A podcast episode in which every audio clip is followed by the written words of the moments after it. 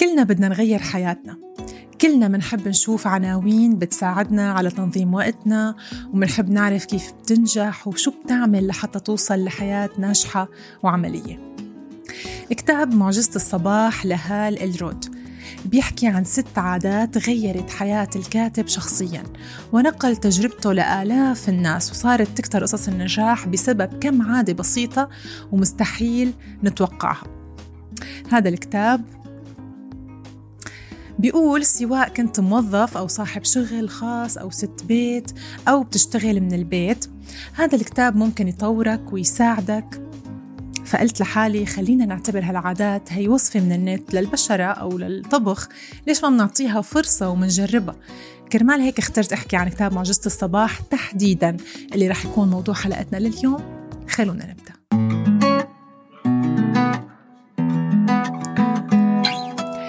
مين هو هال الرود؟ هو محاضر ومدرب بتنمية القدرات الشخصية والمهنية. تعرض بعمر العشرين لحادث سير خبروه الأطباء أنه ما رح يقدر يمشي من بعده مرة تانية. وكان هذا الحادث نقطة تحول بحياته ليثبت للكل أنه ما في شيء مستحيل رغم الكسر. فتابع مهنته من المستشفى وهي تسويق. وبعام 2002 بدأ بتأليف أول كتاب له عن حادثته وحياته. وبعام 2006 أصبح مدرب بالتنمية الذاتية والمهنية. وبعام 2008 ابتكر روتين يومي للتنمية الذاتية وجربه على نفسه وتفاجأ بنجاحه. وهيك سماه معجزة الصباح. وبعام 2012 تحول الروتين لكتاب أصلي وصار على قائمة أول المبيعات وهلأ رح نمر على جميع فقرات الكتاب بملخص مهم وكامل. بيقول الكتاب ضعوا حياتكم بأعلى مستوى. كلنا بنسعى بحياتنا لنحصل على درجة عشرة بأي شيء بنعمله. هل في حدا بيقول بتكفيني سبعة لصحتي أو ستة لمهنتي؟ تسعة بدرسي؟ أكيد لا. ورح تكتشفوا أنه الحصول على درجة عشرة مش ممكن فقط بل بسيط. أيضا. هذا بيبدأ من طريقة فئتكم صباحا ومع إجراءات بسيطة ومتواضعة بتتخذوها ممكن توصلوا لمستوى النجاح يلي بتحلموا فيه. بيعطي هذا الكتاب ثلاث حجج أساسية وهي واحد أنتوا بتستحقوا وقادرين مثل أي شخص على خلق وصيانة الصحة والثروة والسعادة والحب والنجاح على أرقى المستويات. اثنين حتى تتوقفوا على الاكتفاء بالقليل وتبلغوا مستوى النجاح الشخصي والمهني والمالي لازم تسعوا كل يوم. ثلاثة بتأثر طريقة استيقاظكم كل يوم وروتينكم الصباحي على كل جوانب حياتكم. ولكل الناس اللي رح تقول أنا مستحيل في الصبح أو أنا ماني كائن صباحي طيب هل حاولتوا؟ حتى لو صعب رح تتعود. لما تتأكد إنه نشاطك بالساعة الأولى من النهار هو مهم جدا للنجاح. ومثل ما قال ستيف بافالينا الساعة الأولى هي دفة النهار. حين أسير بلا هدف خلالها أميل إلى قضاء يوم ضعيف الإنتاجية وبلا هدف حقيقي. لكن حين أصمم أن تكون هذه الساعة مثمرة فإن بقية النهار يميل إلى أن يكون مثلها. تعرف على نادي ال 95% يقول أبراهام ماسلو ترتكز قصة الجنس البشري في أن الرجال والنساء يستخفون بأنفسهم.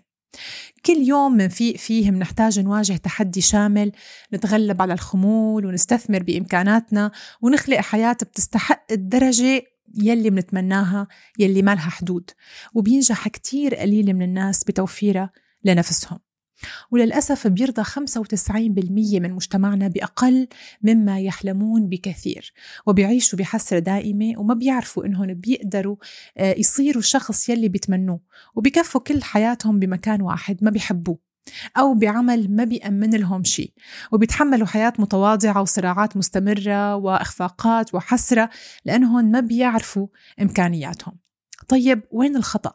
ليش لما نسأل إنسان بعمر الخمسين أو الستين هل هي حياتك اللي بتتمناها؟ بيقول لا طيب شو السبب؟ وين التقصير عم يكون؟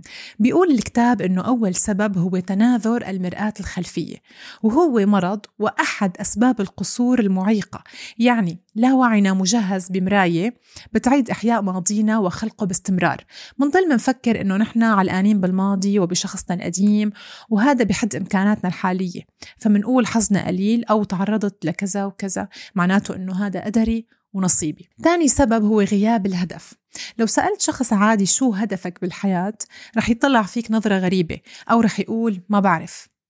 ما بيقدر الشخص الغير طموح إنه يعبر عن هدفه بالحياة. لازم تمتلك هدف بخليك تقوم كل يوم وتصير نسخة أفضل من نفسك.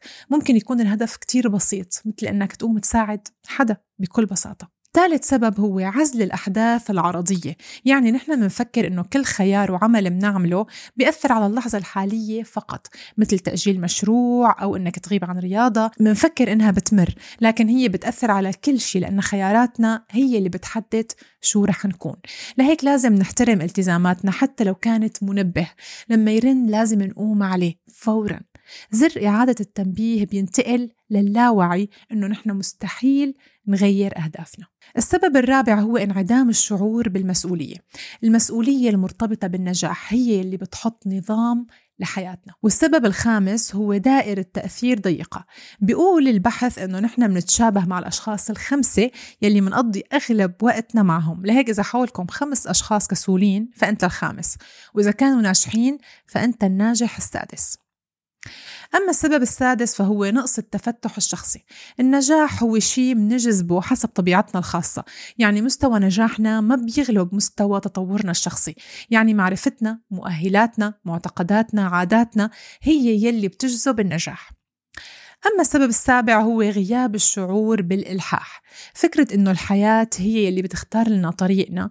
يعني ما في عنا إلحاح وشعور كبير بالرغبة لتصير الأحلام يلي بنحلمها مقدار النوم يلي بنحتاجه بما أنه أول فكرة ركز عليها الكتاب هي الاستيقاظ الباكر فخلونا نشوف قديش نحن بنحتاج نوم. بيقول الخبراء ما في عدد ساعات سحري. هذا الشيء بيتعلق بالعمر بالوراثة بالصحة بالتمرين. ممكن سبع ساعات تكون كافية وممكن ثمانية. طيب كيف بفيق بهمة عالية حسب الكتاب؟ إذا كنتم مقتنعين إنه 8 ساعات نوم بتخليكم مرتاحين هذا اللي رح يصير. لهيك بيدعي الكتاب إنه نجرب نقول جواتنا. عدد الساعات هذا مثالي لإلي وهالشي رح يصير. طيب كيف منخفض فترة النوم بخمس مراحل؟ أول مرحلة تحديد الغايات قبل النوم. فكرتكم الأخيرة قبل النوم هي نفسها لما بتفيقوا. اثنين وضع المنبه بالطرف الثاني من الغرفة. هذا بيجبركم تقوموا من التخت وتبلشوا نهاركم. ثلاثة تنظيف الأسنان هي الحركة البسيطة اللي بتخلي الجسم يصحى فورا. أربعة شرب كاسة مي. وخمسة لبس ثياب الرياضة والمشي لو لنص ساعة. ست عادات اقترحها الكاتب لتتجنبوا العيش من دون استثمار إمكاناتكم شو هي؟ أغلب الناس تعودوا على الاستمرار بالعيش والعمل بلا ما يخصصوا وقت للتركيز على الشيء الأهم واللي هو حياتهم. عالمنا الخارجي هو انعكاس لعالمنا الداخلي. لازم نكرس وقت لتطوير حياتنا ووضعنا. هي التمرينات الستة رح تخلي كل واحد يعني ينجح لأنها أثبتت نجاحها ورح نستعرضها وحدة وحدة. أولا الصمت أول تمرين من تمارين منقذات الحياة.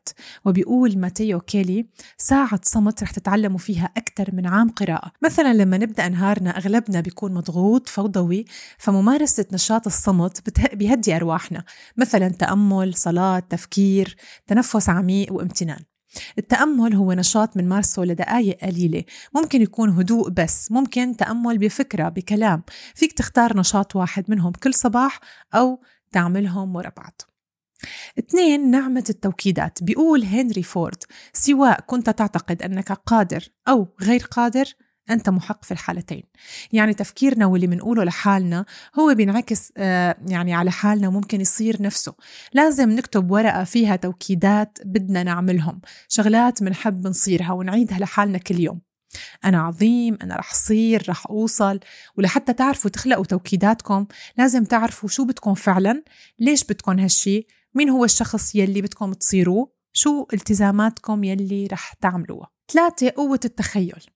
انظروا للأمور كما تتمنون أن تروها وليس كما هي. التخيل الإبداعي.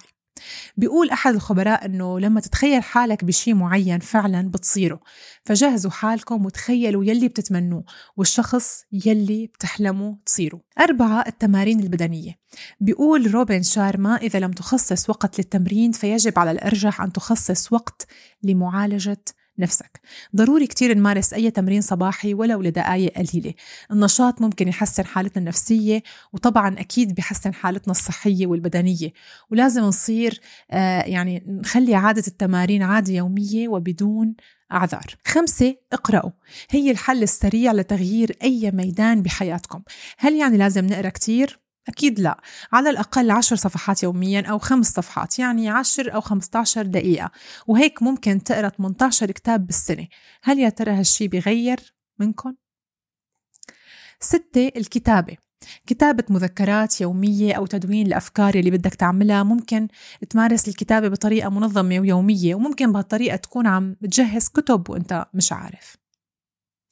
وهلأ إذا لخصنا معجزة الصباح ب 60 دقيقة لتعتبر إنك بتفيق قبل شغلك بساعة. بس عندك صمت خمس دقايق توكيدات خمس دقايق تخيل خمس دقايق تمارين 20 دقيقة قراءة 20 دقيقة كتابة خمس دقايق المجموع بيطلع 60 دقيقة. طبعا في شيء كتير مهم هو طابعك الشخصي.